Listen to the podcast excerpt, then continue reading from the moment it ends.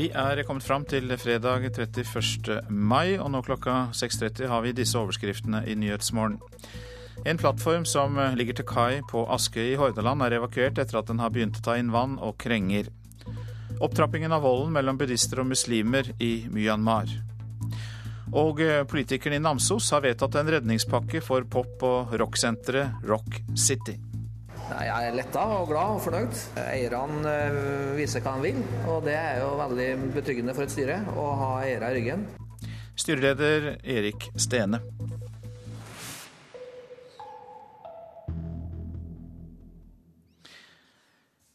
Ja, En plattform som ligger til kai på Askøy i Hordaland har blitt evakuert i natt etter at den begynte å ta inn vann og krenge.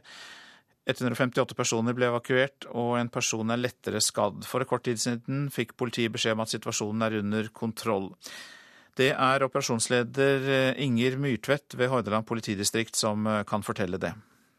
Ja, Like over klokken seks så har plattformsjefen meldt at han har situasjonen under kontroll. Med det så mener han at vanninntrengningen er redusert ved at de nesten har klart å tette lekkasjen. Og ved hjelp av lensepumper så holder de dette i sjakk. Det er fortsatt slagside og stor belastning på ankerkjettinger. Og de vil derfor få en slepebåt til stedet for å avhjelpe dette. Den er da ikke kommet frem ennå. Og reporter Sindre Helgheim han er på Askøy, der plattformen har begynt å krenge, og sa dette da vi snakket med om få minutter før sending. Ja, Den siste informasjonen vi har, det er at den lekkasjen som oppsto her tidligere i femtiden i natt, den er nå under kontroll. Det pågår arbeid ute på plattformen. Fra min posisjon her på Hanøytangen så kan vi se plattformen, og den krenger tydelig i horisonten. Men foreløpig så går det altså greit om bord, er dette vi får opplyst. Og både lekkasjen og personer som var om bord er under kontroll. Kan du si litt mer om hvordan evakueringen har pågått? Det som har skjedd er at 158 personer ble evakuert fra selve plattformen. Men så ble et tredvetalls arbeidere igjen på plattformen for å forsøke å stabilisere denne. Det blir hele tiden tatt en vurdering om det er trygt å være om bord. Foreløpig er det altså fremdeles såpass trygt at man kan være om bord og jobbe på selve plattformen. Er det slik at dere der dere står kan se at plattformen krenger? Ja, vi ser en tydelig krenging. Plattformen ligger utenfor industriområdet på Hanøytangen. Et område som tar imot bl.a. skrapmetall og har en del andre industrivirksomheter. Den ligger rett utenfor kaien litt lenger ute, og vi ser tydelig at den krenger mot land. Har du fått noen informasjoner om hva som nå blir gjort for å stabilisere situasjonen og hindre at den krenger mer? Nei, Så langt så har vi ikke fått snakket med noen offisielle her ute. Det Beskjeden vi får er at de er så travelt opptatt på innsiden av sikkerhetsgjerdet med å jobbe med plattformen. Men Politiet har i hvert fall opplyst at de holder på om bord med å tette et hull. Det er inne i et pumperom dette skal ha skjedd. Så det er det siste vi vet. Ja, reporter Sindre Helgheim, som altså rapporterte fra Askøy. Politiattester for alle som jobber med eldre og demente er unødvendig. Det mener regjeringen, som nå sier nei til kommuner som ønsker å innføre det. Det betyr at pleiere som hjelper eldre og demente med å dusje, faktisk kan ha vært dømt for seksuelle overgrep uten at arbeidsgiver vet om det. Eldrebyråd i Oslo, Aud Kvalbein, er en av dem som har gått inn for en regelendring og politiattest. De eldre er en sårbar gruppe, særlig de som får hjemmetjenester. Der er hjelperen helt alene med den som skal hjelpes. Det er ingen i nærheten. Vi har nå innført politiattest for andre sårbare grupper som barn og utviklingshemmede. Jeg tror det er veldig viktig at vi nå også ser på gruppen eldre. Det er avslørt flere svært alvorlige overgrep mot eldre. Kvalbein kjenner seg sikker på at flere av disse overgrepene kunne vært unngått.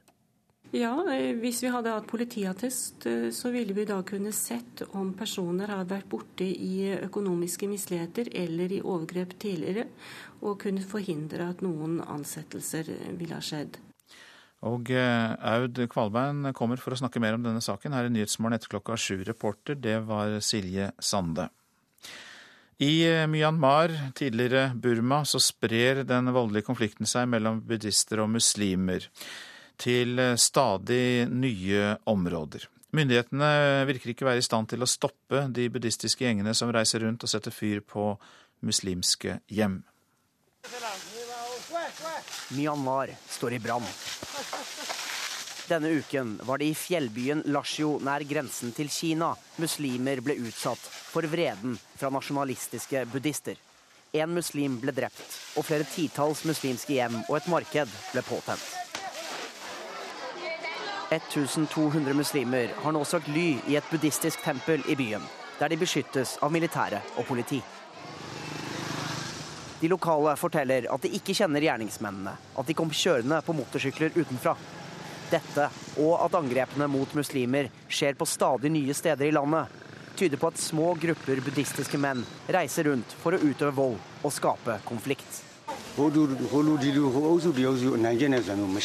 Vi har aldri hatt slike problemer tidligere, sier den 50 år gamle Taimang i Lasjo. Dette kommer overraskende og gjør meg veldig trist. Mange lider pga. noen få mennesker. Vi har roet situasjonen nå. Det er ingen store grupper av opprørere i byen lenger, sier Kaing Ao fra Departementet for religiøse forhold til nyhetsbyrået Reuters. Det var seks til ti mennesker som lagde problemer. Politiet har arrestert noen av dem, så nå kommer alt til å bli bra igjen, sier han. Men ingenting tyder på at myndighetene har kontroll over den økende konflikten mellom buddhister og muslimer i Myanmar. Og dette er mannen som får skylda for at uroen sprer seg. Den radikalt nasjonalistiske buddhistmunken Ashin Virathu har omtalt seg selv som buddhismens Osama bin Laden, og advart mot at muslimene, som utgjør knappe 4% av befolkningen i Myanmar, er i ferd med å ta over landet. Men i Lashio er folk lei seg for at konflikten har nådd også dem forteller butikkeier Njotin. Jeg vil bare leve i fred. Jeg vil ikke ha noe mer av disse kampene. Hvorfor kan vi ikke bare leve sammen i fred? Det eneste jeg vil, er å drive butikk. Utenriksmedarbeider Stig Arild Pettersen rapporterte. Tidligere statsminister Kjell Magne Bondevik er i Myanmars største by, Yangon. Han har fulgt utviklingen i Myanmar gjennom flere år, og sier dette om konflikten mellom muslimer og buddhister. Det har nok en viss sammenheng med at uh, de militære jo har sluppet jerngrepet som de hadde uh, på befolkningen her i landet i, i, mange, mange år. Og Da er det jo også lettere for at spenninga som har ligget der lenge, kommer mer til uh, overflaten. Det henger jo sammen med at de muslimske rohingyaene i Rakhine-staten er diskriminert. De er ikke anerkjent som burmesiske statsborgere eh, og ellers fredelige buddhister ser med mistenksomhet på dem. Og en del av mobben blant disse, slik vi nå hørte, eh, har gått til fysiske angrep. Så dette er en konflikt som eh, kan eskalere også til områder hvor vi har muslimer ellers i landet, og bli en trussel mot reformprosessen. Du er på vei for å møte opposisjonsleder Aung San Suu Kyi, og vil du ta opp disse opptøyene med henne? Ja, det vil jeg gjøre. Hun har jo blitt kritisert for at hun har vært for forsiktig og ikke stått opp for den muslimske minoritetens rettigheter. Men nå for noen få dager siden kom hun med en sterkere uttalelse enn hun noen gang tidligere har gjort, hvor hun også kritiserte regjeringa for ikke nok å beskytte minoritetene, og tok avstand fra den tobarnspolitikken, altså at det ikke skal være tillatt for muslimer å ha mer enn to barn, eh, som de har eh, introdusert. Det er jo ikke bare konflikten mellom buddhister og muslimer som er eh, pågående, men det er jo også en væpna konflikt i Kashin-staten. Og den går jo mellom regjeringsstyrker og den kashinske frigjøringsbevegelsen. Og fordi den eh, jo også involverer regjeringsstyrker, så kan den i enda større grad være en trussel mot reformprosessen i landet. Kjell Magne Bondevik eh, på telefon fra Myanmars største by, Yangon. En 37 år gammel kvinne fra Lørenskog er siktet for å ha organisert skattejuks for 2100 personer. 642 personer har allerede fått varsel om skattesmell. Kvinnen ble pågrepet og siktet i februar i år, og til nå er det avslørt skattejuks for 75 millioner kroner hos de 642 personene. Det skriver Aftenposten i dag. Rundt 50 personer er blitt brukt som mellommenn som har rekruttert kunder til eh, kvinnen som altså nå er siktet for organisert skattejuks. Det var en arbeidsulykke i natt på Herøya industripark i Grenland, i gjødselfabrikken til Yara. En mann skal ha blitt delvis begravd under arbeid med gjødsel inne i en industrihall. Ambulanse, brannvesen og politi er på stedet. Arbeideren er ved bevissthet, og det blir jobbet med å få ham sikret og eh, frigjort. Så noen ord om uh, avisen i dag. Finansieringsforetaket Folkia tilbyr lån til folk med over 9000% rente, skriver Dagens Næringsliv. Vi har en stabil og lojal kundeportefølje, sier styreleder Stig Herbern. Folkia tar 450 kroner i rente for et smålån på 1000 kroner i måneden, et lån som kan tas opp via SMS. I Selbu blir lensmannen og hans betjenter overvåket i detalj, og informasjonene blir lagt ut på Facebook, skriver Adresseavisen. Hensikten er å true oss til ikke å gjøre jobben vår, sier lensmann Morten Kulseth, som også forteller om press, trakassering og hærverk. Barna er tidstyvene, er oppslaget i Vårt Land. Aldri har vi jobbet mindre og brukt mer tid på barn. Selvrealisering går på bekostning av jobben, mener arbeidslivsforsker, som støtter LO-sjefens angrep på mammarollen. Tre timer mer arbeid i uken for kvinner vil øke verdiskapningen tilsvarende et oljefond, kan vi lese i Aftenposten. Økes kvinners arbeidskraft fra 31 til 34 timer i snitt, gir det 3400 milliarder kroner i verdiskapning. Økt ledighet med Erna viser beregninger fra Statistisk sentralbyrå, ifølge Klassekampen. Med et alternativt stortingsflertall tror, arbeids, tror, jeg arbeidsledigheten kan gå litt mer opp, sier forskningsleder Torbjørn Eika i SSB. De plukker bomullen til dine klær og dør når de er 40 år. Dagsavisen forteller om Asias bomullsmarker, der eh, hardt arbeid og sprøytemidler senker levealderen dramatisk for bomullsarbeiderne. En million dekar matjord rammet av ekstremvær, får vi vite i Nasjonen. Flom og store regnmengder har gjort store skader for landbruket, viser kartlegging. Avslørte Rune Øygards løgner er oppslag i Dagbladet, som har viet flere sider inn i avisa til lagmannsrettens kjennelse. Elever tegner i gymtimen ved Kirkevoll skole, kan vi lese i Bergensavisen. Skolen har ikke hatt gymsal siden desember. Per Sandberg forteller om sin triste hemmelighet i VG. Frp-nestlederen forteller om brorens selvmord. Varmere enn i Syden er oppslaget i Nordlys. Dropp Sydenplanene, for nå er det godværsvarsel for hele Nord-Norge.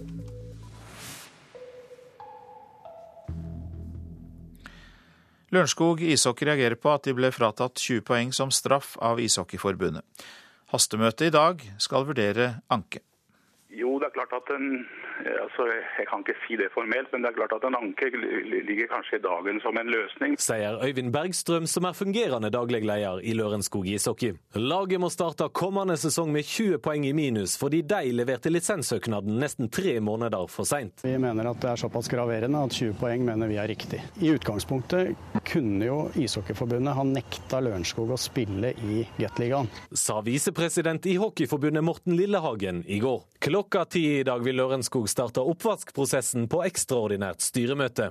Og tre kvarter seinere skal klubben fortelle hvordan de tar saka videre. Det sier seg selv at uh, vi som er uh, ja, den administrative ledelsen kan ikke sitte og se på at vi blir behandla på denne måten. Vi er nødt til å reagere på det.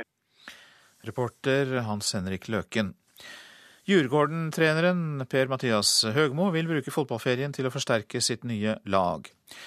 Høgmo, som jo er tidligere Tromsø-trener, som mange vet, har fortsatt til gode å tape en seriekamp med Stockholmsklubben, men det er ikke nok.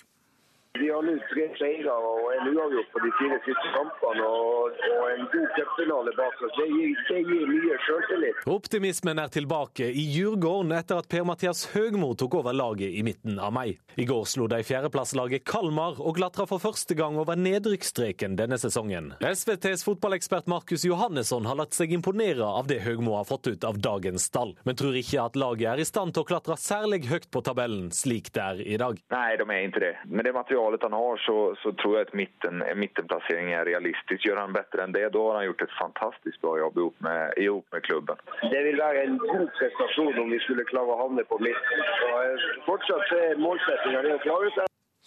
Ja, det var Per-Mathias Høgmo på det vi vel kan kalle en noe spennende telefonlinje fra Stockholm til reporter Hans Henrik Løken. Dette er Nyhetsmorgen. Klokka passerte nettopp kvart på sju. Vi har disse hovedsakene. En plattform som ligger til kai på Askøy i Hordaland evakueres etter at den har begynt å ta inn vann og krenger. Opptrappingen av volden mellom buddhister og muslimer i Myanmar sprer seg til nye områder. Og politikerne i Namsos har vedtatt en redningspakke for pop- og rocksenteret Rock City, som vi får høre mer om ganske snart.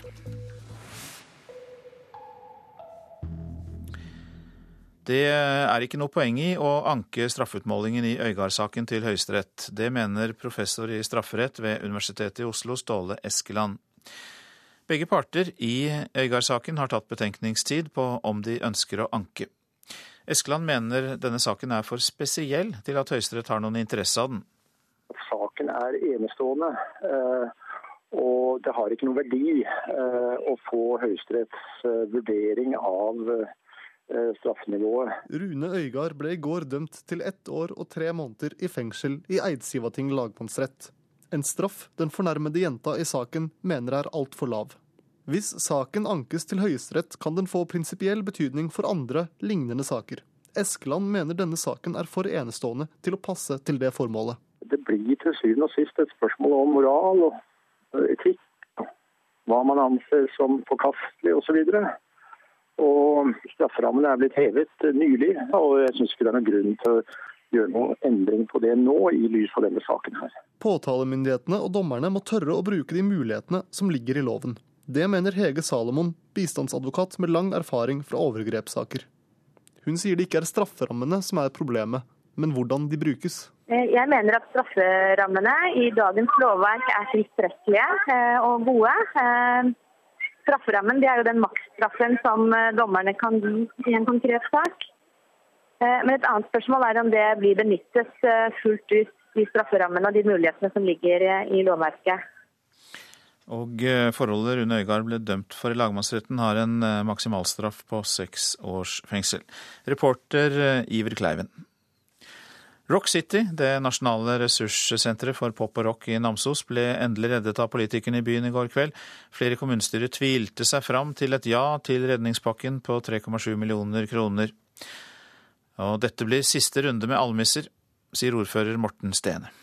Ja, det vil jo bety at, at Rock City har en framtid. Og det vil bety etter mitt syn i hvert fall mye for omdømmet til Namsos. 3,7 millioner, tror du det stopper med det, eller blir det spørsmål om mer? Nå har vi jo kommet til det punktet at vi, vi retter opp egenkapitalen, og det forventer jeg er siste tilskuddet vi gir uten at vi uten at det husleier sånne kostnader vi har fra før. da. Til tross for at Rock City-saken er diskutert opp og ned i mente i Namsos-politikken, ble det også i går bedt om gruppemøter og pauser. Pauser mest kanskje pga. temperaturen i salen, ikke fra talerstolen. Derifra tvilte de fleste seg etter hvert fram til enighet. Enighet om å gå inn med 3,7 millioner i aksjekapital, tatt fra en konto kommunen har i reserve til uforutsette utgifter. Rock City er en uforutsett og uønska utgift, mer på linje med det å betale for å ha bilen på verksted, sa en av representantene. En sterk koalisjon fra SV, Arbeiderpartiet og Senterpartiet la premissene, bl.a. med Randi Dille, Senterpartiet, i føringa. Hennes engasjement for Rock City er så stort at hun også har takka ja til en plass i styret. Det blir å skaffe seg en eh, god oversikt over hva status New Rock City er. Vi har jobba mye, advokatene har jobba mye. Men det å skaffe seg en oversikt over den indre driften av Rock City, det blir det mest utfordrende. Et nytt år i styret tar også styreleder Erik Stene. Han sier at redningspakken fra kommunen gir en viss arbeidsro. Jeg er letta og glad og fornøyd.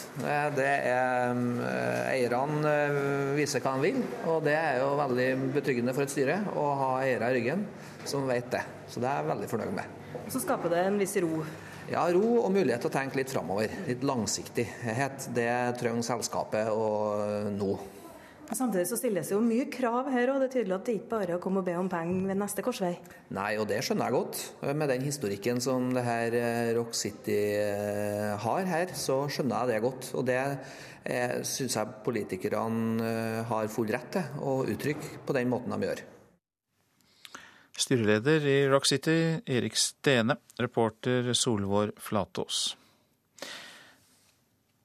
Festspillene i Bergen, Munch-utstillingen og andre store kulturbegivenheter tiltrekker seg mange utenlandske journalister.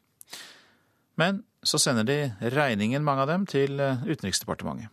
UD bruker nemlig fem millioner kroner på reise og opphold for utenlandsk presse årlig. Det strider mot god presseskikk, mener Norsk redaktørforening. Merci d'être venu. Good morning, everybody.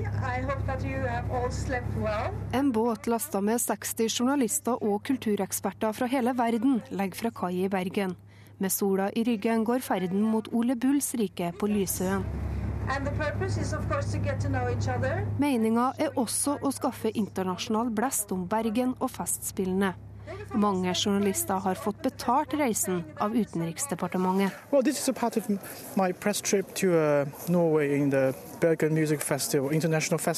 Det sier Rudolf Tang, frilansjournalist fra Beijing.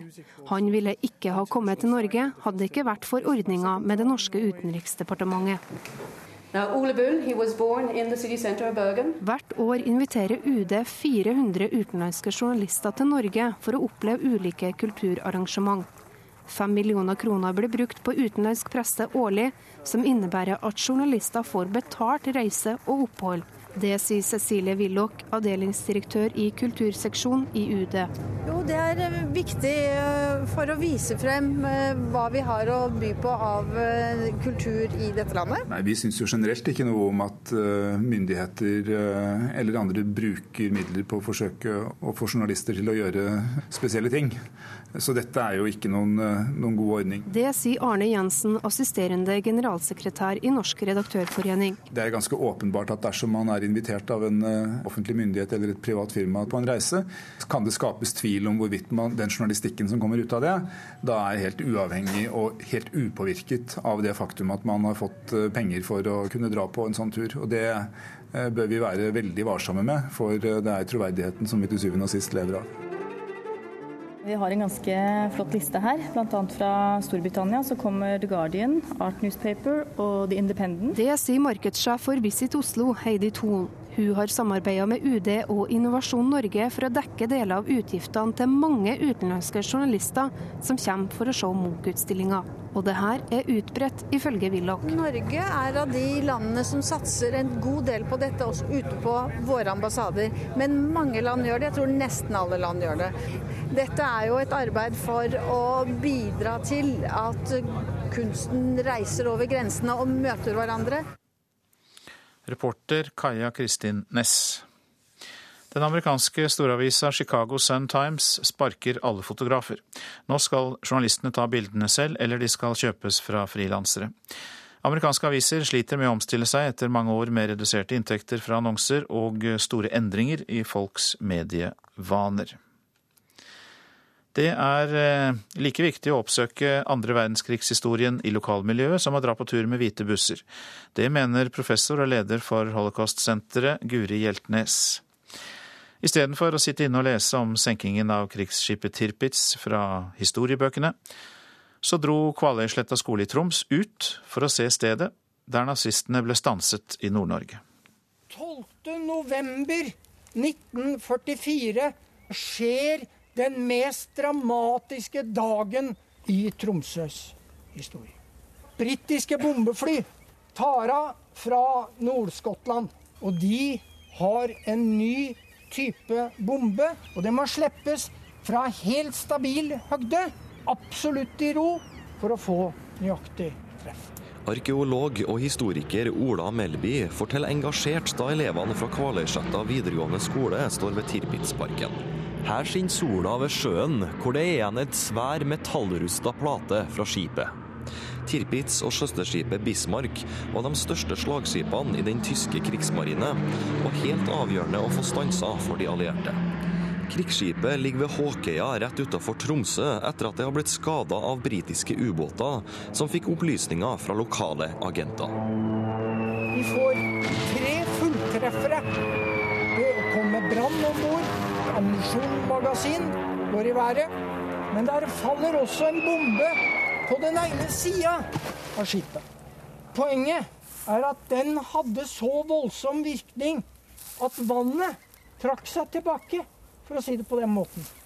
Og det betyr Tirpitz ruller og ruller over. 900 mann er innelåst i dette skroget. Både Tobias Kvalnes og Susanne Ytrevik synes de lærte mye på turen. Jeg tar historie veldig sakte. er det så mye, så, så sitter jeg leser i boka, så får jeg ikke med meg en ting. Men det her blir jeg sikkert å huske noe av. Altså Artig måte å lære på, for da slipper man å sitte inne i et kjedelig klasserom føler at man tar bedre imot det man lærer, når man får på en måte se det i et sånt perspektiv. Professor og leder for Holocaust-senteret, Guri Hjeltnes, synes lokalhistorie er like så viktig som å dra med hvite busser til Polen. Det som er viktig er at det er gode pedagogiske opplegg. at Det er noe. Det er ikke noe poeng å bringe unge mennesker til sted bare for å få dem til å gråte og hive på en rose og lage en seremoni. Det må jo være forbundet til kunnskap. og Jeg tror det er veldig viktig at det er forankret til skolene, at det er del av et undervisningsopplegg på skolene. Så Det som er synd nå når tidsvitnene faller fra, de som opplevde krigen og som ikke som det stadig færre og færre, generasjonen blir jo borte, så må man jo ha gode folk med. Dette er en del av panseret. Det å brenne seg gjennom med den tids skjærebrennere, det tok sin tid. De fikk lagd ett høl og fikk ut 90 mann. Resten klarte de ikke å få ut. Melby forteller at over 800 tyskere døde, og at de ikke fikk ut alle de omkomne før på 1950-tallet. Melby forteller også at faren hans ble satt i fengsel etter å ha vært med i motstandsbevegelsen, og at temaet er viktig for han. Nå holder han sitt siste foredrag for elevene, etter å ha fortalt om Tirpitz-senkinga i over ti år. Hva du håper at eh, ungdommen tar med seg fra det her? Når vi ser sånn over tid hva som det sto om i 1942, og hva det står om faktisk i dag også, så dreier det seg om ideologisk, sosialt osv. om de samme grunnlagsverdiene. Og at fanatisme hører ikke hjemme i et demokrati. Reporter på Kvaløysletta, Rune Eian.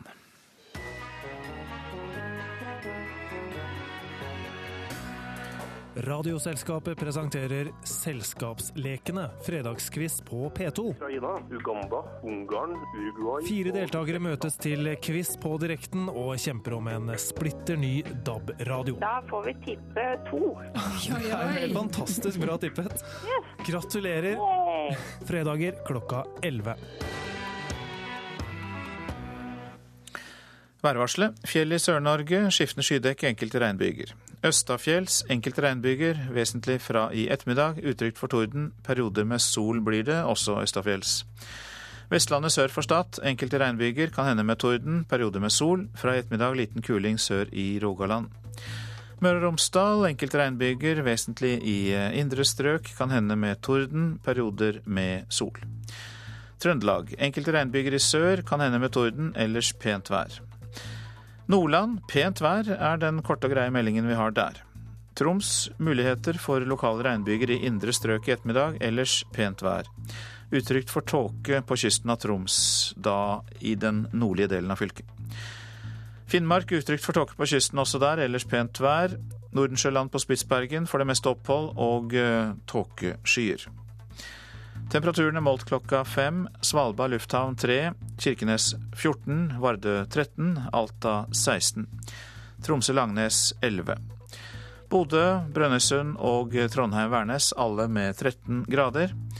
Molde 15, Bergen-Flesland 12, Stavanger også 12, Kristiansand-Kjevik 11.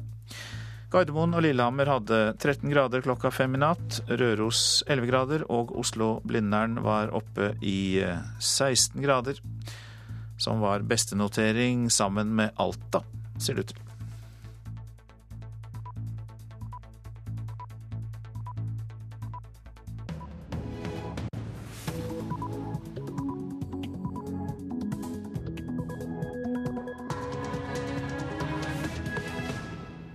Klokka er blitt sju, dette er P2s Nyhetsmorgen, og dette er en nyhetsoppdatering. 158 personer ble evakuert da en plattform på Askøy i Hordaland begynte å ta inn vann i natt. Reporter Sindre Helgheim er på stedet. Svært få norske arbeidsgivere vil ansette utlendinger, selv om det lønner seg. Det syns jeg er urovekkende. Nå må norsk næringsliv våkne opp. Målfrid Bratt i Manpower Group, som har laget denne undersøkelsen om å ansette utlendinger. Regjeringen sier nei til å innføre politiattester for ansatte i eldreomsorgen, til tross for at det er avslørt flere overgrep mot eldre. Vi har vurdert det nøye, men vi har nok kommet til at ulempene med å innføre sånt, en sånn attest er større enn fordelene, så vi kommer ikke til å foreslå det. Statssekretær Kjell Erik Øie. Klimaet i Arktis kommer til å påvirke været andre steder i verden mer enn tidligere antatt. Det sier Jan Gunnar Winther, som er en av hovedforfatterne bak den nye FN-rapporten. Så kan vi i Norge og i Skandinavia få noen utbrudd av kald luft som gjør at f.eks. vi kan oppleve kalde vintre selv om jorda vår varmes opp. En plattform som ligger til kai på Askøy i Hordaland, har altså blitt evakuert i natt etter at den begynte å krenge. Den begynte med det fordi den tok inn vann, og 158 personer er evakuert. En person er lettere skadd. Redningsleder Johan Mansåker ved Hovedredningssentralen på Sola, dere følger situasjonen. Hva er det siste informasjonene du har? Ja, Situasjonen er at de jobber fortsatt med å få kontroll på situasjonen. De har en del dykkere som er i arbeid nå med å utbedre skadene. Det er fortsatt noe lekkasje, og de har gjort en sånn fordeling av det vannet inn i de ulike pontongene. Så den er litt stabilisert, men er fortsatt på en fire graders krengning. Hva var årsaken til at plattformen tok inn vann? Nei, Den nøyaktige årsaken er ikke helt klart ennå, men det var en del utbedringsarbeid der. De lå jo på, på et verft og har, har hatt dykkere i vannet som jobber med en del utbedringer på, på plattformen. Og I den forbindelse så har det kommet en del lekkasjer. Hvor dramatisk har situasjonen vært på Askøy? Ja, altså det har, det har jo klart vært alvorlig når de velger å evakuere av sånn non-essential personell til, til land. Så det sier seg sjøl at det, det er ikke alltid Man har ikke full kontroll på en sånn situasjon når det skjer. Hvordan vil du beskrive det redningsarbeidet som har pågått? Nei, Det har vært, det har forstått vært oversiktlig og greit. De har jo hatt god tid med at de lå til kai til å få personell inn til land. Og Hordaland politikammer har fått ut brannvesenet dykkere derfra. Og, og, I tillegg nå så har Oddfjell Drilling de rekvirerer inn ankerfartøy og, og ekstra dykkere for utbedring av arbeidet. Ja, Så det er et arbeid som pågår? Ja, det pågår, og det vil fortsette i noe tid framover. Takk skal du ha, redningsleder Johan Mansåker, Hovedredningssentralen på Sola. Sølve Rydland, du er vår reporter på Hanøytangen i Askøy, der plattformen ligger. og Hvordan ser det ut der? Her på Hanøytangen så ser en uh, fremdeles at uh, denne plattformen uh, Island Innovator den krenger relativt kraftig mot kaien på Hanøytangen. det er et litt større område her, vertsområde, som er sperra av. Men gjennom og over gjerdet så kan vi se at det fortsatt krenger kraftig i plattformen. Hva sier folk som har vært om bord? Altså, det som vært sagt nå, er at eh, etter at situasjonen var noe kaotisk når de oppdaga at denne eh, lekkasjen oppsto, så eh, skal det nå være en rolig og beherska stemning.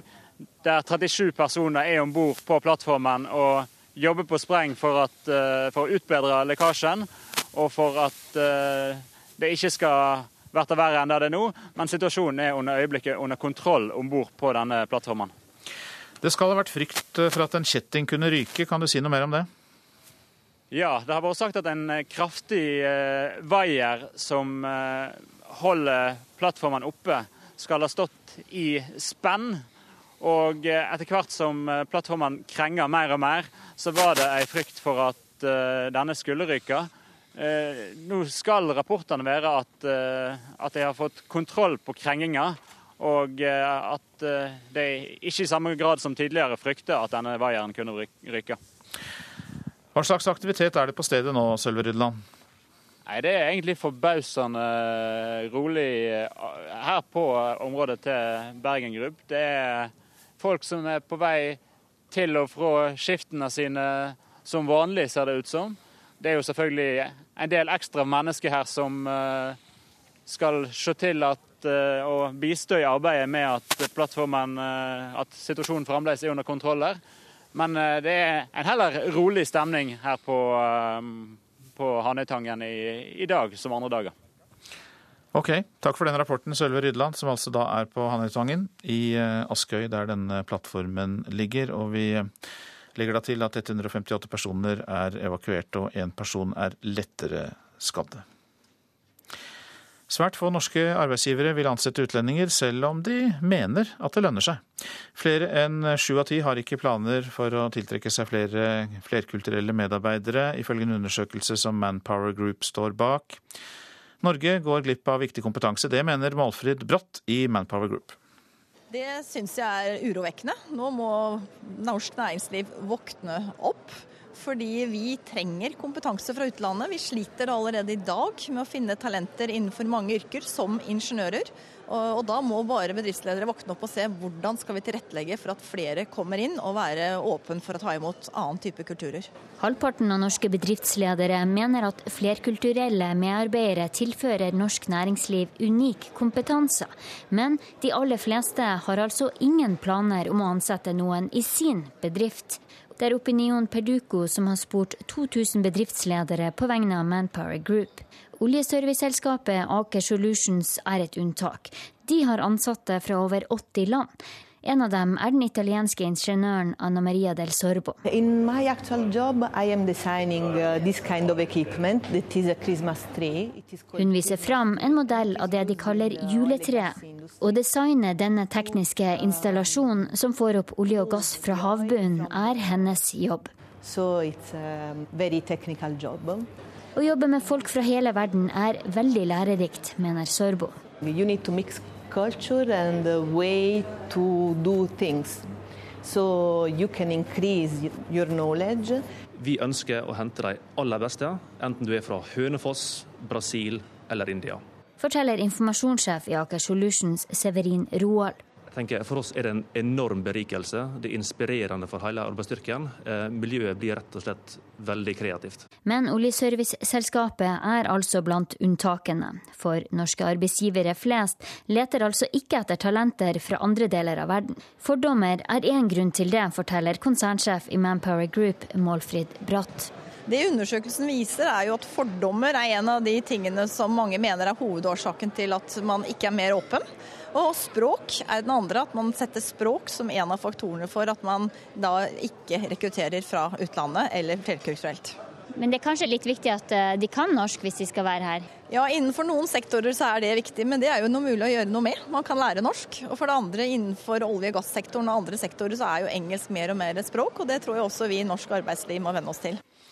Reporter her, det var Linda Reinholdsen. God morgen, Pål Shaffi. God morgen. Du er administrerende direktør i Abelia, som er NHOs forening for kunnskaps- og teknologibedrifter. Og ja, bra, men ikke for meg, er det inntrykket jeg får av noen bedriftsledere her. Hva syns du om at de bl.a. bruker språk som begrunnelse for ikke å ansette folk utenfra? Nei, det er ikke bra i det hele tatt. Jeg kjenner meg veldig igjen i dette. Jeg, jeg tror, men så kan man snu det litt rundt òg, og si at de bedriftene som er gode på å rekruttere eh, fra utlandet, de kommer til å ha et stort konkurransefortrinn i tiden som kommer. Fordi det er et behov for kompetanse, som vi hørte i dette innslaget. Det er litt skjevt fordelt mellom ulike bransjer, selvfølgelig. Eh, men det er sånn på mange områder at vi kommer til å trenge flere folk utenfra enn vi trengte tidligere. Eh, og, og det er litt uavhengig om det går godt eller dårlig generelt i norsk økonomi. For det er noen områder hvor vi uansett vil ha, ha, behov for folk, og konkurrere med andre land som har behov for folk. Og da, eh, da er det lurt å være god på å finne det man trenger utenfor Norge. De som ikke er gode på det, de vil jo da ha en stor ulempe. Bruker dere igjen noe mye tankekraft på å bekymre dere over dette? Altså, Vi bekymrer oss over at vi ikke får den kompetansen vi trenger til norsk arbeidsliv. Mm. Uh, og Grunnen til det er jo at på, for, for, den enkelte bedrift så er det jo for så vidt mulig å flytte virksomhet ut av Norge. Og, og, det som vi av og til kaller det å tape kontrakter i konkurranse med andre, uh, som gjør at f.eks. oljeservice eller utbyggingsoppdrag går til utlandet, det er jo på mange måter det handler om denne kampen. Vi har ikke kapasitet til å gjøre ting i Norge fordi det ikke er folk, og da er det grunn til bekymring. Men bedriftene kan flytte ting. Eh, Norge kan jo ikke det. Sånn at for at norsk økonomi skal gå bra og vi skal finansiere velferd, eh, så trenger vi mer kompetanse enn vi har i dag. Når bedriftslederen da sitter der og skal ta en avgjørelse om å rekruttere folk, eh, hva tror du skjer når det ender opp med at han ikke ansetter folk utenfra? Jeg tror at uh, mange ledere har det problemet at de liker folk som ligner på seg selv. Uh, og det gjelder ikke bare hvor man kommer fra, det gjelder hva slags fagbakgrunn man har, hva, hvordan man tenker. Altså, det blir ofte sagt at gründere ansetter, den første de ansetter er helt lik dem selv. Og det er et dårlig utgangspunkt. det er veldig lurt ofte å ansette noen som helt, kan noe helt annet. Eh, og En fordel med utlendinger det er jo at de eh, kan kanskje andre markeder, har andre erfaringer, kan tilføre en bedrift eh, på en måte flere ting enn den kjernekompetansen man er ute etter, og berike bedriften, rett og slett. Du er jo administrerende direktør i den avdelingen i NHO som driver med kunnskaps- og teknologibedrifter. og Hva vil du gjøre for å pirke borti bedriftslederne her? Ja, Noe av det vi har gjort, er å eh, ganske nylig lage en større rapport som eh, kartlegger både behovene som er, det gjør også Nav på en veldig god måte for øvrig, og sier at er, til tross for rekordhøy arbeidsinnvandring til Norge i dag, så er det fortsatt et stort behov for mer kompetanse. Eh, så pirker vi borti myndighetene, fordi det er mye som er blitt bedre. Men litt av utfordringen i Norge er at det er så mange sektorer som tar hver sine beslutninger som ikke henger sammen. Så det blir noen sånne flaskehalser som de som har lyst til å komme, opplever, som gjør at det kanskje ikke er så attraktivt å komme til Norge likevel. Og så må vi forandre holdninger hos en del bedriftsledere også, og vise, kanskje ved å få fram de gode eksemplene, at eh, man kan få til gode resultater ved å hente inn flere folk utenfra. På ti sekunder så oppsummerer jeg da det som at holdninger må endres. Også noen offentlige flaskehalser må ja, endres. Det er helt riktig. Hjertelig takk, Paul Chaffey, som eh, da er administrerende direktør i Abelia innenfor eh, NHO. Dette er Nyhetsmorgen. Klokka den har allerede klart å bli 7.13 snart. Vi har disse overskriftene. En plattform på Askøy i Hordaland krenger og tar fortsatt inn vann. 158 personer er evakuert. Én er lettere skadd. Svært få norske arbeidsgivere vil ansette utlendinger, som vi nettopp hørte, selv om det lønner seg, viser en undersøkelse, og Paul Chaffey kom med noe av oppskriften her nettopp. I Syria øker spenningen etter en ny tale fra president Bashar al-Assad. Om litt skal vi snakke med vår Midtøsten-korrespondent som er i Libanon. Politiattester for alle som jobber med eldre og demente er unødvendig. Det mener regjeringen, som nå sier nei til kommuner som ønsker å innføre det. Det betyr at pleiere som hjelper eldre og demente med å dusje, og, fakt, med å dusje, og altså intime tjenester, faktisk kan ha vært dømt for seksuelle overgrep uten at arbeidsgiveren vet om det. Nå skal vi se, nå skal vi inn her. Hjelpepleier Hanne Huseby skal lage i stand frokost og dele ut medisiner til Alf Melby på Oppsal i Oslo. God morgen. God morgen. Åssen er det med deg? Jo da, jeg er oppe tidlig. Oppe tidlig, ja. Har du spist litt på morgenen? Nei, jeg hadde ikke kveld. 86-åringen bor fremdeles hjemme, men eh, trenger hjelp til det meste. Iblant så har jeg vanskelig med å kle på meg, fordi jeg er blitt så stiv med årene. Og så får jeg jo mat til fastsatte tider. Melby har bare gode erfaringer. Men det finnes eldre som lever i frykt for overgrep, både i egen heim og på institusjon. Vern for eldre registrerte i fjor 28 overgripere fra det offentlige systemet. Av disse jobber 18 av dem på institusjon. Tallet gjelder både fysiske, psykiske, økonomiske og seksuelle overgrep mot eldre over hele landet. Et krav om politiattest vil ikke stoppe disse overgrepene, mener statssekretær Kjell Erik Øie fra Arbeiderpartiet. Vi har vurdert det nøye, men vi har nok kommet til at uh, ulempene med å innføre sånt, uh, en sånn attest er uh, større enn fordelene, så vi kommer ikke til å foreslå det. Annet så har vi en stor andel eh, helsepersonell innenfor eh, eldreomsorg som eh, kommer fra andre land, og der vil politiattest som tiltak ha liten verdi. I tillegg så er mange av de som jobber innenfor denne sektoren allerede autorisert som helsepersonell. De har vi en mulighet til å luke ut dersom de skulle gjøre det. Og Det tredje og mer prinsipielle argumentet er vel om dette vil skape en falsk trygghet og hindre oss å iverksette andre tiltak for å forebygge overgrep på eldre institusjoner. Det er avslørt flere svært alvorlige overgrep mot eldre. Seks seksuelle overgrep på sykehjemmer i Oslo i løpet av tre år fikk Helsetilsynet til å opprette tilsynssak mot kommunen i 2012. Jeg tror vi alle er enige om at vi skal ha eh, systemer og måter å håndtere denne problemstillinga på som beskytter de svakeste av oss. Eh, det skal vi også ha på dette området. Men jeg tror som sagt at motforestillingene eh, mot å innføre politiattest er større enn argumentene for. Alf Melby kjenner seg helt trygg på de som ringer på døra for å hjelpe. Fullstendig trygg. Men han syns det er merkelig at kommunen ikke får lov å kreve politiattest for å sjekke bakgrunnen til hjelperne. Det syns jeg skulle være en selvfølge. Det syns jeg.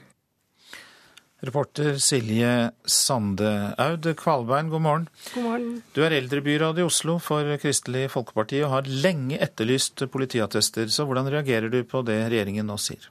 Jeg er faktisk den tredje eldrebyråden i Oslo som etterspør dette. Nei, jeg syns eh, regjeringen her har ganske dårlige argumenter. Dette med falsk trygghet, f.eks. Hvorfor skal det gjelde falsk trygghet i eldreomsorgen når man altså, har, har politiattest i barne- og ungdomssektoren? Da vil det jo være falsk trygghet der også, da. Ehm, jeg syns det ville være det eneste logiske og det eneste naturlige at vi krever politiattest for alle ansatte som jobber med sårbare grupper. Det gjelder barn og unge og funksjonshemmede som vi har i dag. Det bør også gjelde i eldreomsorgen. Men eh, det kan vel ikke utgjøre så veldig mange, så hvorfor er det så veldig viktig å ha dette papiret fra politiet? Det kan jo også inneholde feil og være unøyaktig? Jeg tror vi skal være litt forsiktige med å si at det ikke er så mange. Eh, her vet vi litt for lite, og det er store mørketall. Eh, seksualitet i forhold til eldre f.eks., det er et tabubelagt eh, område. Når det gjelder økonomiske misligheter, så tror jeg det faktisk er et av de store problemene. Det ser vi for mange eksempler på. Det ville være en veldig trygghet hvis vi kunne kreve politiattest. Jeg tror da vil vi kunne forhindre en del ansettelser, og vi kunne forebygge også eh, at mennesker søkte til denne type stillinger. Vi skal ikke være naive og tro at det ikke finnes mennesker som kan tenke seg å ville utnytte gamle mennesker. Men eh, man kan jo også tenke slik at eh, dere som da har ansvaret for de eldre i Oslo, gjennom ansettelser, eh, gjennom å få tak i autorisert helsepersonell, kan hindre dette og luke ut de som ikke passer inn?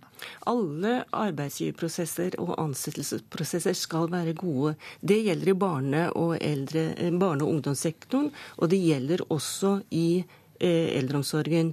Så det eh, har vi alltid eh, mye arbeid på. Men dette med å kunne kreve politiattest vil kunne gi oss en ekstra trygghet og forhindre at noen mennesker kommer inn i denne type stillinger. Setter dere inn ekstra krefter i ansettelsesprosessene her for å sørge for at dere klarer å luke ut folk som da kan komme til å snyte eldre for pengene deres, eller eventuelt også begå overgrep? Ja, Vi eh, gjør alt vi kan i våre ansettelsesprosesser. Men vi vil altså veldig gjerne få kunne ha anledning til å spørre etter også politiattest, og kunne sjekke bakgrunnen. Hva vil du gjøre dersom det blir regjeringsskifte til høsten? Tar du omkamp på dette? Jeg har først lyst til å eh, oppfordre eldre mennesker til å ta en debatt om det og si hva de mener om det. Og eh, hvis jeg får mulighet til å og snakke til en ny regjering, så vil jeg nok også gjerne gjøre det. Takk for at du kom til Nyhetsmorgen, Aud Kvalbein, som altså da er eldrebyråd for Kristelig Folkeparti i eh, Oslo. USA letter på sanksjonene mot Iran, slik at amerikanske firmaer kan selge mobiltelefoner, computere og annet kommunikasjonsutstyr. Vedtaket betyr at Iran får tilgang til smarttelefoner, nettbrett, parabolantenner og den nyeste programvaren som de da hittil bare har kunnet kjøpe på svartebørs siden sanksjonene kom i 2002. Tyskland og Frankrike er blitt enige om at eurosonen for framtida bør ledes av én person i én permanent stilling. Frankrikes president François Hollande opplyste dette i går etter samtaler med Tysklands regjeringssjef Angela Merkel. Eurosonen utgjøres av de EU-landene som har innført euroen da, som felles valuta. Det utgjør 17 land i dag. Syriske regjeringssoldater har drept tre vestlige borgere i et bakholdsangrep, ifølge gruppen Syrian Observatory for Human Rights. To av de drepte er en kvinne fra USA og en mann fra Storbritannia, begge muslimer. Den tredje persons nasjonalitet er ikke kjent. Og i Syria så øker spenningen igjen. President Bashar al-Assad advarer Israel om at de vil svare på eventuelle flyangrep fra Israel, samtidig som russiske antiluftvernraketter er sendt til Syria. Midtøsten-korrespondent Sigurd Falkenberg Mikkelsen, du følger med på dette, som vi vet, og du er faktisk i Libanon, i grenseområdene til Syria. Hvordan er situasjonen der du er?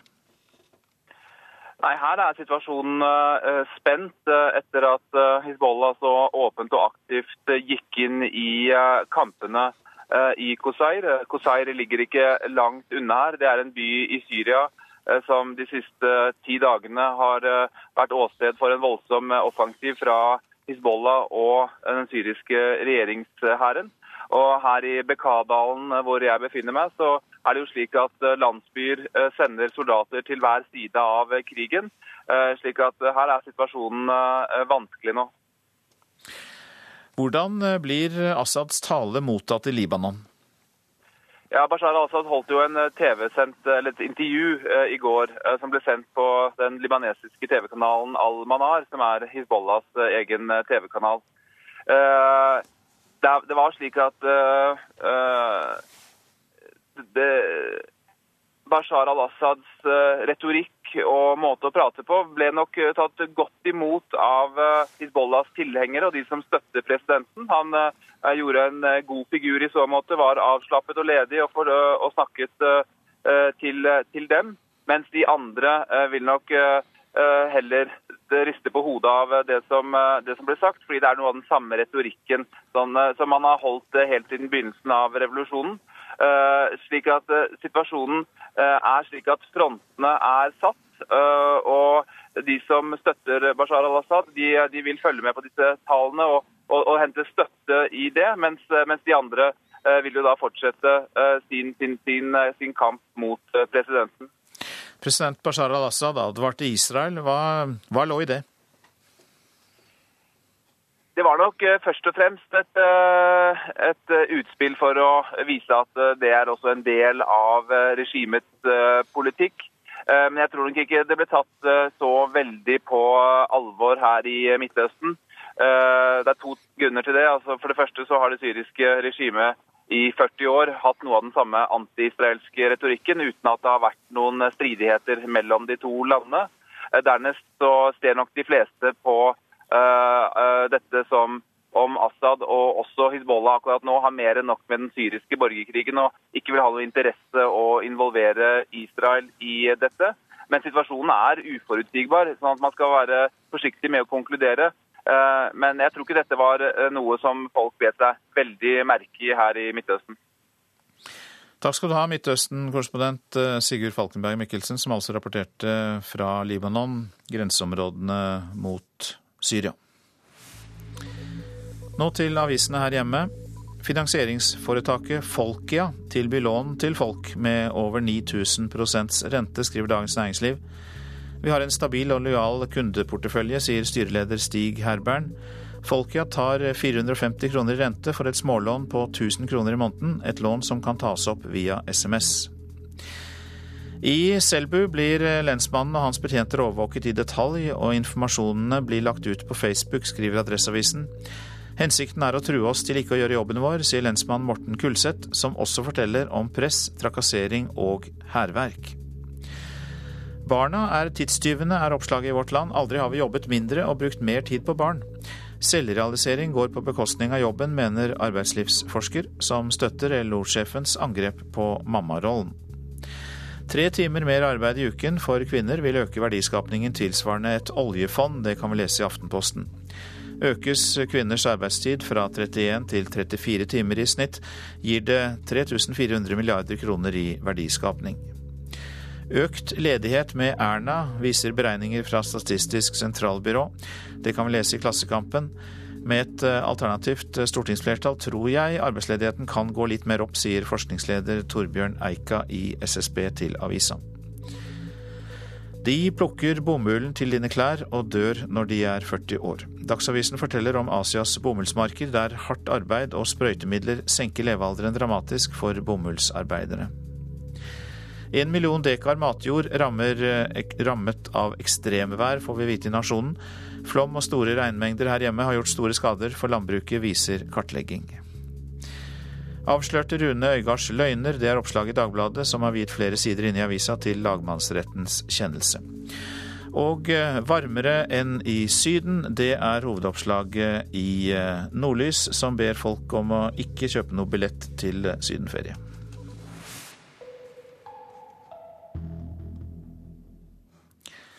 Om få måneder får vi vite hva 800 eksperter fra 85 land har kommet fram til når det gjelder jordens klimatilstand. I september kommer nemlig FNs klimapanel med femte hovedrapport. Der går det fram at klimaet i Arktis og i framtiden vil påvirke vær og klima andre steder i verden i større grad enn forskerne har vært klar over til nå. Jan Gunnar Winther er en av forfatterne.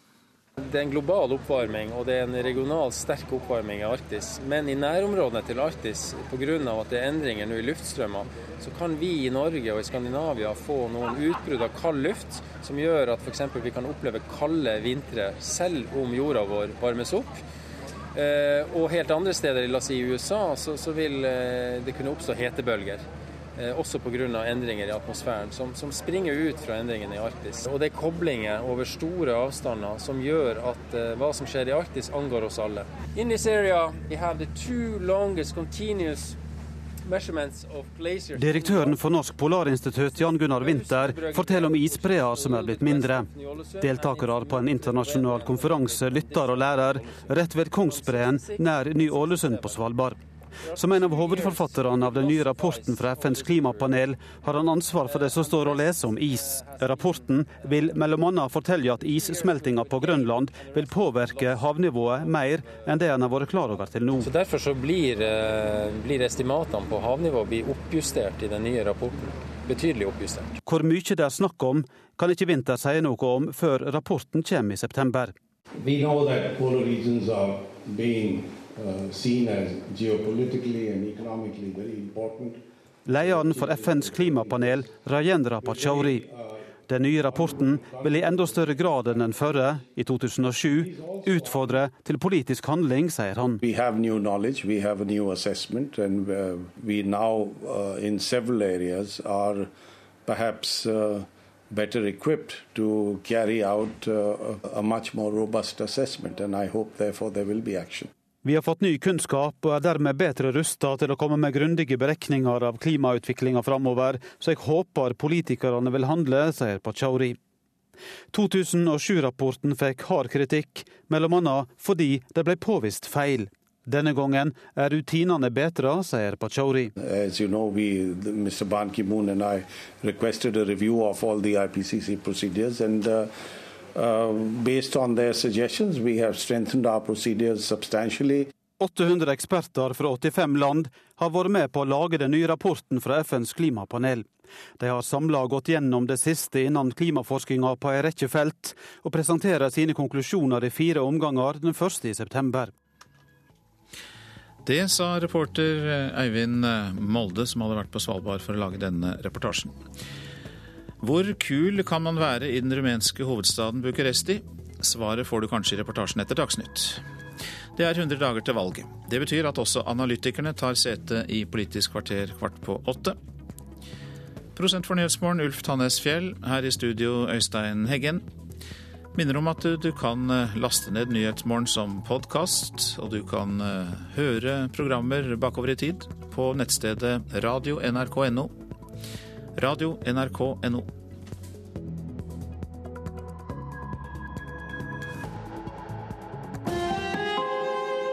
Hør ekko. For 80 år siden kom Hitler til makten i et kriserammet Tyskland, og han ble valgt på lovlig vis. I dag har arbeidsledighet og sosial nød igjen gitt høyreekstreme partier vind i seilene i enkelte europeiske land. Hvor langt kan den utviklingen komme til å gå? Ekko 9 11 i NRK P2.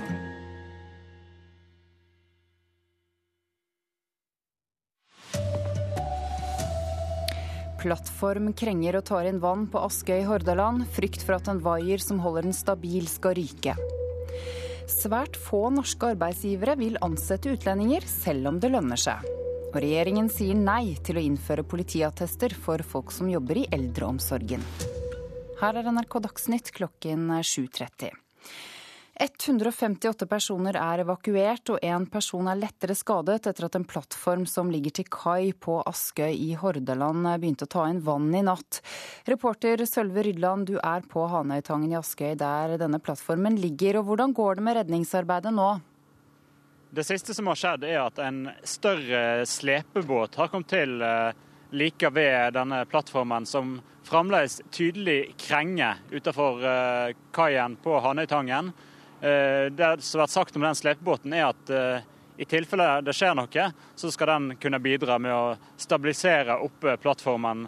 Og det har jo, som du nevner, vært snakk om et, en vaier som har stått i spenn. Og det har vært frykt for at den skal ryke. Men nå har de altså fått inn en slepebåt som kan hjelpe til med å holde oppe plattformen om det skulle skje noe. Hvordan har denne evakueringen av mannskap gått? Ifølge eh, kommunikasjonsdirektøren i Bergen Group, som jeg snakka med for litt siden, så eh, skal samarbeidet mellom eh, Oddfjell Drilling, som står for arbeidet om bord på plattformen, Bergen Group, som driver verftet, og nødetatene har, har, gått sånn som den skulle. At, har, at rutinene har fungert sånn som de skulle. Hovedfokuset har jo vært å stoppe krenginga av denne plattformen og det er iallfall kontroll på den måten at det ikke kommer mer vann enn de får ut av plattformen, inn i plattformen nå. Takk til deg, Sølve Rydland fra Hanøytangen i Askøy, der denne plattformen altså ligger. 37 personer jobber fortsatt altså om bord på denne plattformen med å stabilisere slagsiden. Kommunikasjonssjef Øyvind Risnes i Bergen Group, som eier anlegget som plattformen ligger ved, sier at sikkerheten har vært ivaretatt hele tiden i arbeidet med å sikre plattformen. Det er alle typer arbeid som, eh, som, eh, kan eh, avhjelpe situasjonen. En har prosesser og prosedyrer på dette. her. Dette er jo en situasjon som mannskapet er veldig godt drilla i. Og både riggeier og riggoperatør har jo gode rutiner på dette. her. Og det er forskjellige tiltak som, som da skal være med på å fjerne krengningen og, og igjen sikre situasjonen. Svært få norske arbeidsgivere vil ansette utlendinger, selv om de mener det lønner seg. Flere enn sju av ti har ikke planer om å tiltrekke seg flerkulturelle medarbeidere, ifølge en undersøkelse som Manpower Group står bak. Norge går dermed glipp av viktig kompetanse, sier Målfrid Brått i Manpower Group. Det syns jeg er urovekkende. Nå må norsk næringsliv våkne opp. Fordi vi trenger kompetanse fra utlandet. Vi sliter allerede i dag med å finne talenter innenfor mange yrker. Halvparten av norske bedriftsledere mener at flerkulturelle medarbeidere tilfører norsk næringsliv unik kompetanse. Men de aller fleste har altså ingen planer om å ansette noen i sin bedrift. Oljeserviceselskapet Aker Solutions er et unntak. De har ansatte fra over 80 land. En av dem er den italienske ingeniøren Anna Maria del Sorbo. Uh, kind of Hun viser fram en modell av det de kaller juletre, og designer denne tekniske installasjonen som får opp olje og gass fra havbunnen, er hennes jobb. Å jobbe med folk fra hele verden er veldig lærerikt, mener Sorbo. so you can increase your knowledge. Vi ønsker å hente de aller beste, enten du er fra Hønefoss, Brasil eller India. Forteller informasjonssjef i Aker Solutions Severin Roald. Men oljeserviceselskapet er altså blant unntakene. For norske arbeidsgivere flest leter altså ikke etter talenter fra andre deler av verden. Fordommer er én grunn til det, forteller konsernsjef i Manpower Group, Målfrid Bratt. Og språk er den andre, at man setter språk som en av faktorene for at man da ikke rekrutterer fra utlandet eller flerkulturelt. Reporter Linda Reinholdsen. Flere kommuner ønsker å kreve politiattester for å hindre overgrep mot eldre og demente, men regjeringen mener det er unødvendig og tror politiattester kan skape falsk trygghet. Arbeidsgiverne får altså ikke lov til å sjekke med politiet om ansatte har en kriminell fortid. Det er rart, mener Alf Melby i Oslo, som er en av de mange som får besøk av hjelpepleier Hanne Huseby. Vil du at jeg skal blande litt ny saft til deg? Nei da. Så skal jeg hente noen medisiner. Etter så mange år som jeg har vært hos dere, mm. så er jeg på fornavn med samtlige. Så jeg føler meg så veldig trygg. Men um, jeg visste ikke at det var forbudt å få en politiattest. Hvert år opplever 4-6% av eldre i Norge overgrep. De blir svindla, slått, trua eller voldtatt. I tillegg er mørketallene store, ifølge den nasjonale kontakttelefonen Vern for eldre. Det uroer eldrebyrådet i Oslo, Aud Kvalbein fra KrF. Hun har lenge etterlyst politiattester. De som trenger hjelp eh, fra eldreomsorgen, de er jo veldig ofte svekket på en eller annen måte, enten det er mentalt eller fysisk eller begge deler. Det er derfor vi også trenger å være ekstra påpasselige med å gjøre det vi kan for å skape god trygghet.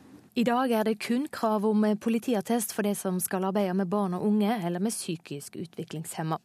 Regjeringa har vurdert om ordninga skal utvides til også å gjelde eldre og demente. Men vi har nok kommet til at uh, ulempene med å innføre sånt, uh, en sånn attest er uh, større enn fordelene, så vi kommer ikke til å foreslå det. Statssekretær Kjell Erik Øie fra Arbeiderpartiet frykter bl.a. at politiattest vil skape en falsk trygghet for eldre. Mange av de som jobber med eldre, kommer fra andre land hvor politiattest vil ha liten verdi. Dermed vil dette skape en falsk trygghet. Det er eh, nesten det verste vi kan få. Politiattest det syns jeg skulle være en selvfølge. Det syns jeg. Reporter her var Silje Sande. En 37 år gammel kvinne fra Lørenskog skal ha organisert skattejuks for 2100 personer, skriver Aftenposten. Kvinnen ble pågrepet og siktet i februar. Hun kalte seg skatterådgiver og skal ha rådet sine klienter til å føre opp fradrag de ikke hadde krav på. Politiadvokat Hanne Fauske ved Romerike politidistrikt sier etterforskningen er omfattende. Den er ganske krevende, eh, rett og slett fordi det er eh, så enorme mengder med dokumentasjon som vi må gå gjennom for å få klarlagt både hva som har skjedd eh, og hvordan, hvordan dette her har skjedd. Og knytte dette her opp til hva hun har gjort, hvordan det er gjort, og om hun har utvist subjektiv skyld, da, som heter. Altså få avklart skyldspørsmålet i dette her. Det sa Hanne Fauske ved Romerike politidistrikt. Pressens faglige utvalg PFU, som er klageorgan for norske medier, mener NRK brøt god presseskikk da Dagsnytt i oktober i fjor fokuserte på relasjonen mellom daværende styremedlem i Entra, Ketil Fjæringen, og Entras daværende administrerende direktør, Rune Olsø. Utvalget understreker at NRK var i sin fulle rett til å rette et kritisk søkelys på relasjonen mellom Fjæringen og Olsø, men utvalget mener innslagene fremstår svært ubalanserte, fordi Fjæringens innvendinger og kommentarer ikke ble formidlet samtidig. Det vises til at Fjæringen ved flere anledninger hadde gitt NRK sine oppfatninger om saksforholdene, ut fra den informasjonen NRK hadde på publiseringstidspunktet, mener utvalget at NRK skulle tatt flere forbehold og opptrådt mindre konstaterende, spesielt ettersom kildegrunnlaget ikke ble synliggjort for publikum.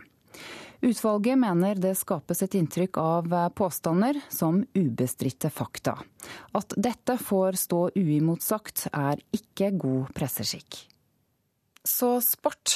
Lørenskog ishockey varsler reaksjoner etter at elitelaget ble dømt til 20 poengs straff av Ishockeyforbundet i går. Klubben har hasteinnkalt til møte i formiddag for å diskutere om de vil anke dette.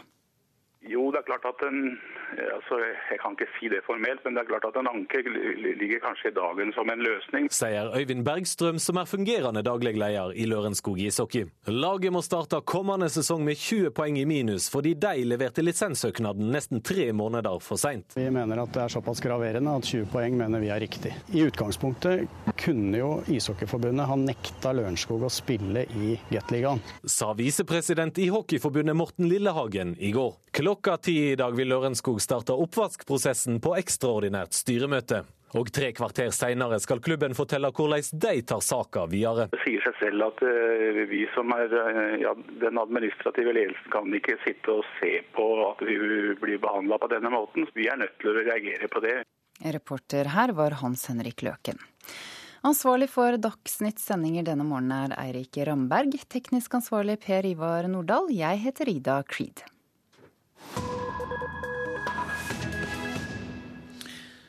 I rekken av direkteforbindelser fra Norge til utenlandske byer står Romania for tur. Denne måneden åpner ruten til hovedstaden Bucuresti fra Sandefjord. Det er en storby ukjent for nordmenn flest, men det har en gjeng subkulturelle trendsettere i Bucuresti tenkt å gjøre noe med.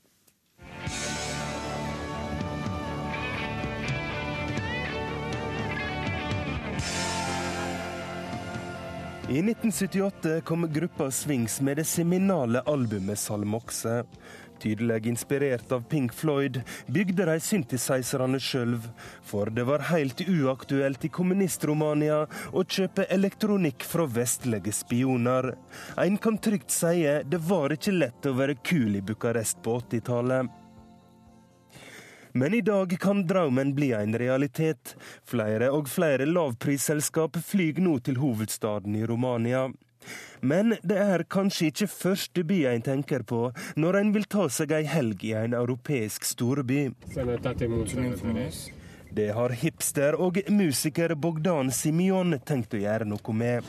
I myself and some other close friends of mine think that we should develop a Bucharest cool, like actually trying to develop a Balkan image of uh, Bucharest in design, in music, in painting, in literature, in everything. Jeg og noen venner har lyst til å gi byen et nytt image.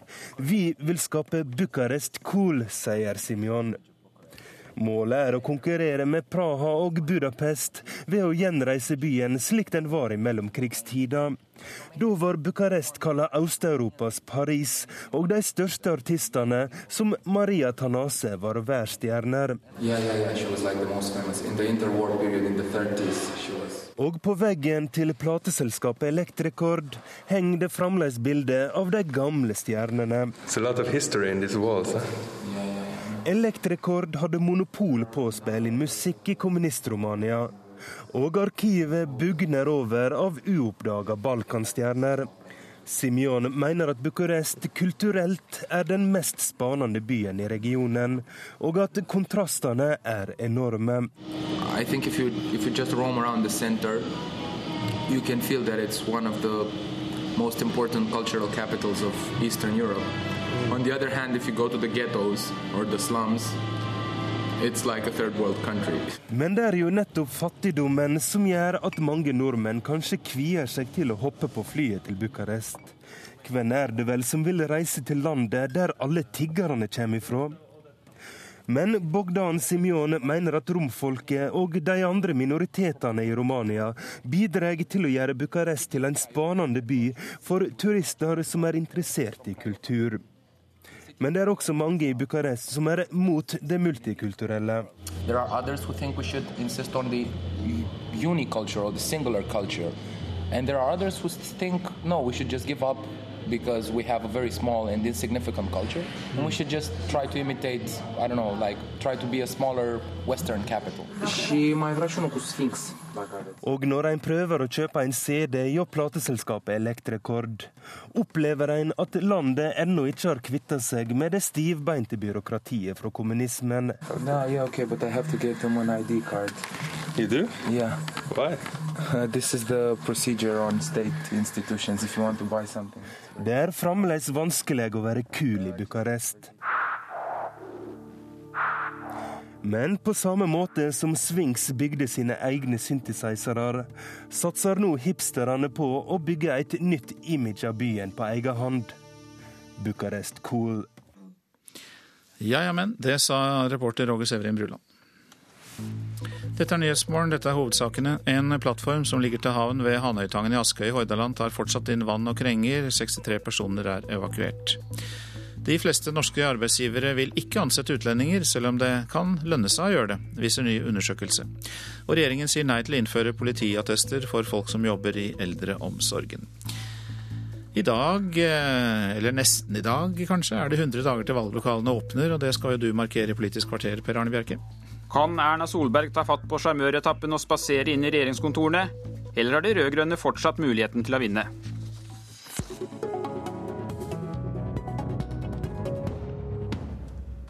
100 dager til de første valglokalene åpner, og på en meningsmåling som Norstat har gjort for Vårt Land i dag, er Arbeiderpartiet igjen landets største parti. Forsker og NRKs ekspertkommentator ved stortingsvalget, Bernt Årdal. Har Erna Solberg noen grunn til å miste nattesøvnen? Ikke nødvendigvis. Denne målingen fra, som Vårt Land har, har tidligere også vist ganske close race mellom Høyre og Arbeiderpartiet. Hovedbildet er nok fortsatt at Høyre er sterkere. Men det er klart at eh, Høyre ligger såpass høyt, og risikoen for å miste velgere kan være vel så stor som det å få enda flere. Svein Tore Martinsen, du er valganalytiker og valgkommentator i Romerikes Blad. Nå er ikke utslagene så store, og Arbeiderpartiet leder bare med litt over et halvt prosentpoeng. Men hva betyr det for Høyre dersom partiet skulle gå inn i valgkampen på en fallende kurve, og Arbeiderpartiet samtidig øker? Høyre har jo ikke noe god historikk eh, knyttet til stortingsvalgkamper. Eh, unntaket er 2009, ellers har Høyre falt eh, når det nærmer seg valget. Så er det nok sikkert en del i Høyre som er litt redd for at tilsvarende skal skje igjen. Men de ligger jo nå på ekstremt høye nivåer, og de har en veldig høy lojalitet blant sine tidligere velgere, parallelt med at de appellerer til alle andre partiers velgere. Så Høyre er i en gunstig situasjon. Skulle man sammenligne med fotball, så vil jeg si at Høyre leder 2-0 til pause. Ja, Målingen eh, viser jo også i likhet med andre målinger det siste året et overveldende borgerlig flertall. og Bernt Årdal, er eh, løpet egentlig kjørt? Ikke nødvendigvis, eh, fordi valget er ikke over før valglokalene stenger. Og vi vet at det er mange som bestemmer seg sent. Og vi vet ikke minst at det er ganske mange som skifter parti i løpet av valgkampen. Men de tre regjeringspartiene ligger nå 10 prosentpoeng under valgresultatet sitt fra 2009. Så de skal ganske mye til. selv om de si, pleier å hente seg inn. Arbeiderpartiet har de to siste valgene hentet en 3 prosentpoeng i innspurten fra mai og til valget. Senterpartiet har hentet et halvannet prosentpoeng. men SV har har tilbake. Men selv om man da skulle få tilbake en del av de velgerne som har satt seg på gjerdet, så holder ikke det for å, for å kunne vinne valget. Martinsen, du har jo også sett mye på fylkesnivåene, bl.a. i Akershus. og Hvordan vurderer du situasjonen? Holder dette helt inn? Jeg tror det kommer til å holde inn, men løpet er ikke kjørt. Det finnes ting som kan skje som kan snu eh, bildet, men mange faktorer må på plass for at dette her valget skal bli jevnt, fordi forspranget er så stort. og De borgerlige har ligget på rundt 100 mandater i gjennomsnitt eh, i hele år. og Det er jo som sagt da 85 mandater som man trenger, så man leder veldig klart. Men det fins ting som kan skje inn mot eh, sluttfasen som kan endre bildet. Men forspranget er veldig stort. Årdal, hva er det som kan skje som kan endre dette bildet? Så vidt jeg kan se, så er det særlig to ting. Det, det, ene er at den økonomiske krisen i Europa slår sterkt inn i, i Norge. Da ville vi kunne være i en situasjon som ligner litt på den vi hadde ved forrige valg.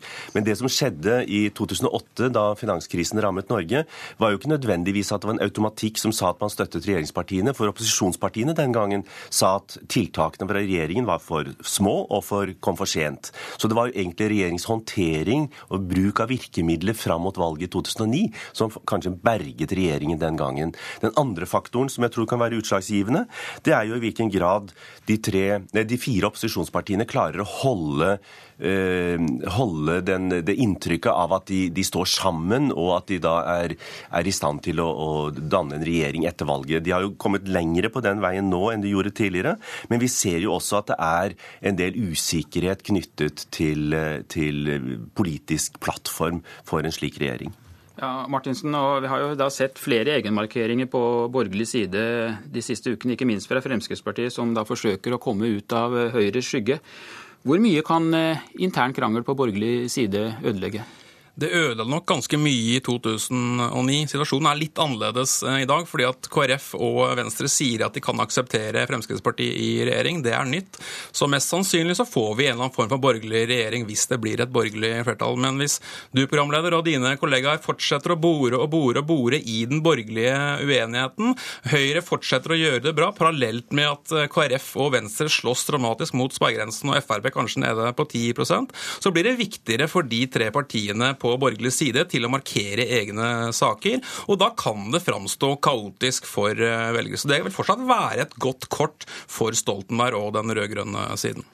Kristin Clemet, du har nærmest vært eh, fødselshjelper for, den, for det nye borgerlige samarbeidet. Nå hørte vi tirsdag tre stortingsrepresentanter som på egen hånd uten at jeg boret noe, fra Fremskrittspartiet advarte mot en regjering der også Venstre og KrF er med. Er du redd for at uenighet om regjeringssammensetningen på borgerlig side nok en gang skal skape problemer, slik vi så i 2009? Altså, Det kan skape problemer, men jeg vil nok si at situasjonen ikke er litt annerledes enn i 2009. Den er etter min mening veldig annerledes, fordi det er helt nytt i Fremskrittspartiets 40-årige historie at de nå er akseptert og anerkjent som en likeverdig samarbeidspartner på borgerlig side. Og det gjør jo det alternativet mye mer troverdig. Eh, så kan man si at eh, det spriker, de er ikke enige om alt. Og det var jeg litt mer bekymret for for noen uker og måneder siden. Men når jeg ser hvor mye sprik det er på rød-grønn side, for de har også valgt å føre valgkamp hver for seg på en måte, så blir denne valgkampen egentlig ikke en blokk mot blokk-valgkamp så mye, men det blir også en eh, alles kamp mot alle. Så jeg frykter ikke det så veldig mye.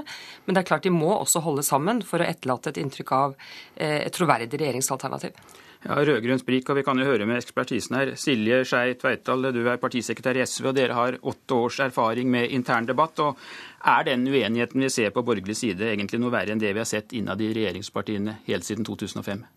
Nei, jeg tror det er helt reelt at vi kan få en eh, regjering for første gang med Fremskrittspartiet i, eh, i, eh, regjering. Men jeg tror også det er det som kan gjøre at det er vi på rød-grønn side som vinner.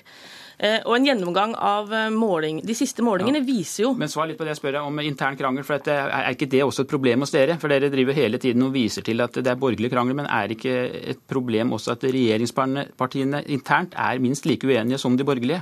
Det er uenigheter mellom de rød-grønne partiene, men vi har jo nå samarbeida godt i åtte år og vist at vi har kommet fram til enighet, hvor de ulike partiene har fått gjennomslag for det som er viktigst for dem.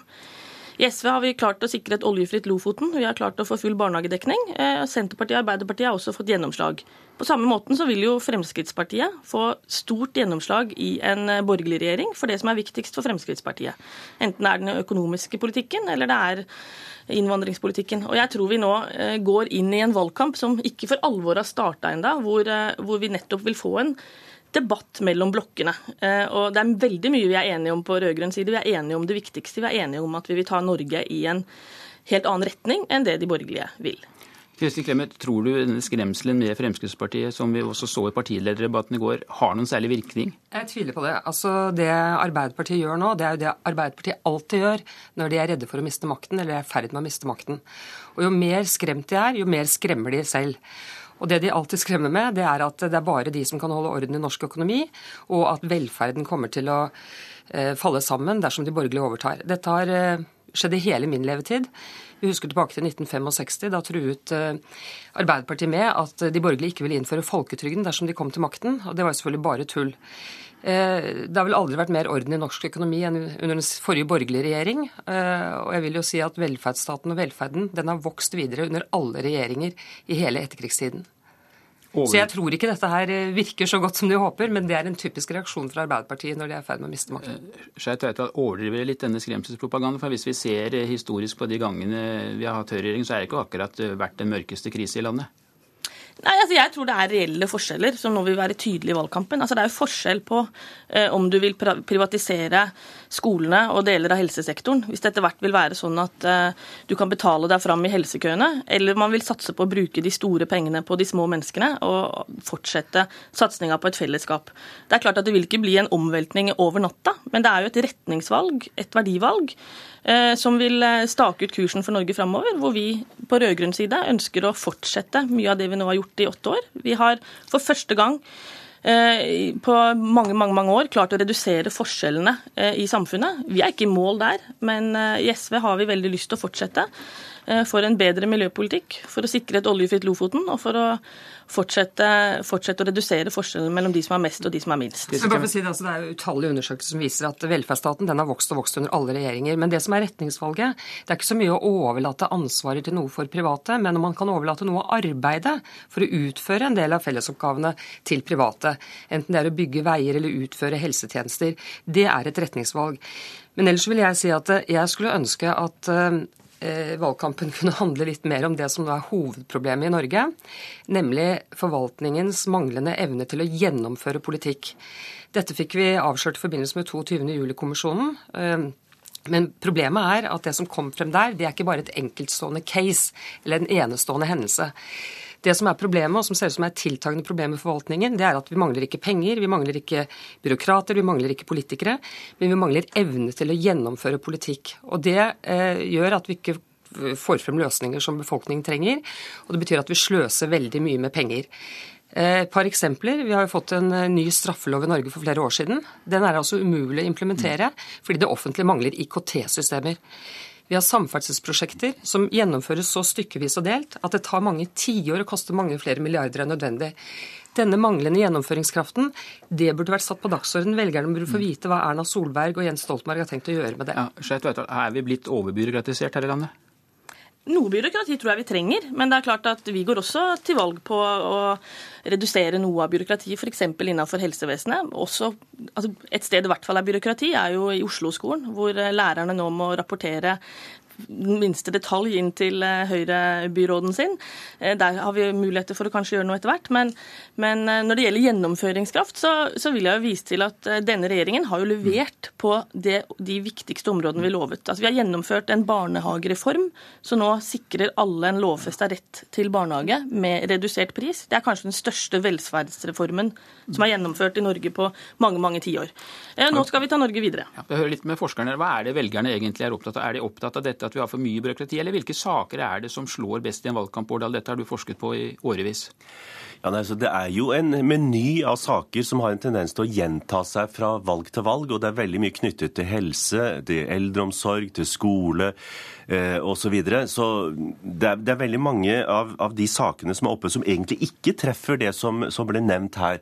Og Det tror jeg nok er en, en oppgave for politikerne også, å få fram at det faktisk også er andre utfordringer i samfunnet. Fordi jeg er litt redd for at man nå kjører eh, valgkamp på valgkamp hvor det egentlig bare blir en sånn repetisjonsøvelse. Å ja, nå er det to år siden sist, så nå skal vi kjøre den samme regla igjen. Og jeg tror det blir veldig vanskelig for mange velgere, for velgerne å se forskjell. Fordi noe som er typisk med en del av de sakene som preger valgkamper i, i, i Norge nå, det er jo det at det ikke er så lett å se forskjell. Altså Det er det vi kaller for valensspørsmål. Dvs. Si, man er enige om alt av, av målet. Alle er enige om at man skal ha et godt helsevesen, en god eldreomsorg. Og så er det da en uenighet om midlene. Men det blir en veldig sånn, vanskelig situasjon. Og, og det som Kristin Clemet nevner her med, med manglende gjennomføringskraft, er jo også et spørsmål som går helt på tvers av tradisjonelle konfliktlinjer. slik at Der er det en veldig stor oppgave å løfte det fram og få det på en måte i, i, inn som et ja. nytt element, som kanskje også kunne stimulere til engasjement blant velgerne. Svein Tore Martinsen, hva vil du si er viktigst for velgerne ut fra ditt ståsted som lokal valgkommentator i Akershus? Det er flere forskjellige ting som er viktig. viktige. I valgforskningen til Årdal så har det vært et bredde i sakskompleksiteten som har gjort at velgere premierer partiet for tiden som har en saksbredde framfor sakseierskap i én eller to uh, saker. Velferd er en ting som alltid går igjen i norske valgkamper, og Høyres akilleshæl har nettopp vært velferdspolitikken. Der har Høyre bedra troverdigheten sin, standingen sin, og det blir viktig for Arbeiderpartiet å dra ned Høyres troverdighet på det feltet. For fester seg et inntrykk av at man kan få i pose og sekk, altså samme velferdstilbudet, samtidig som man får frihet fra Høyre, så har Arbeiderpartiet tapt valget. Nå er jo ikke bare saker, betyr, er, Dette er jo et regjeringsvalg, og der blir også personspørsmål viktig. Og Hvor viktig blir denne kampen mellom Jens eh, Stoltenberg og Erna Solberg, eh, Kristin Clemet? Nå betyr jo ikke personer så mye norsk politikk som det betyr i, i enkelte andre land, men allikevel så, så, betyr det litt. Men jeg tror vel at uh, mitt inntrykk er at her vi står overfor to helstøpte lederkandidater. Uh, og derfor så skulle jeg ønske, hvis jeg kan si noe kritisk om NRK til slutt, at vi slipper den typen debatter som vi så på TV i går, hvor det er altfor mye roping og klapping og huing og hoiing, men isteden få frem disse gode kandidatene, at de kan fortelle hva deres program er for å forbedre Norge. Og da er det ikke så mye sånn for mange eller for lite byråkrater, men det er er behov for godt og kompetent lederskap. Det tror jeg begge de kan utøve. Men det som er viktig å få høre nå, hva det vil gjøre for å styrke evnen til å gjennomføre de politiske vedtakene og det velgerne egentlig bestiller gjennom valg, eh, og at ikke det driver i altfor lang tid, gjøres på en ineffektiv måte. Silje Skei Tveitvold, hvor viktig vil du si at personen er? Jeg tror personen er viktig, men det er jo politikken som avgjør om du vinner valget. Eh, og så tror jeg, Nå er det 100 dager igjen. Det jeg er helt sikker på, er at eh, valgresultatet blir veldig forskjellig fra der vi står i dag. og Tallene viser jo at uh, nå har uh, de borgerlige uh, fullmobilisert. de rød-grønne har et veldig stort potensial, og ca. 200 000 velgere på gjerdet. De har vi tenkt å vinne tilbake. Takk skal dere ha, og fasiten den får vi altså om 100 dager. Og det var Politisk kvarter med Per Arne Bjerke.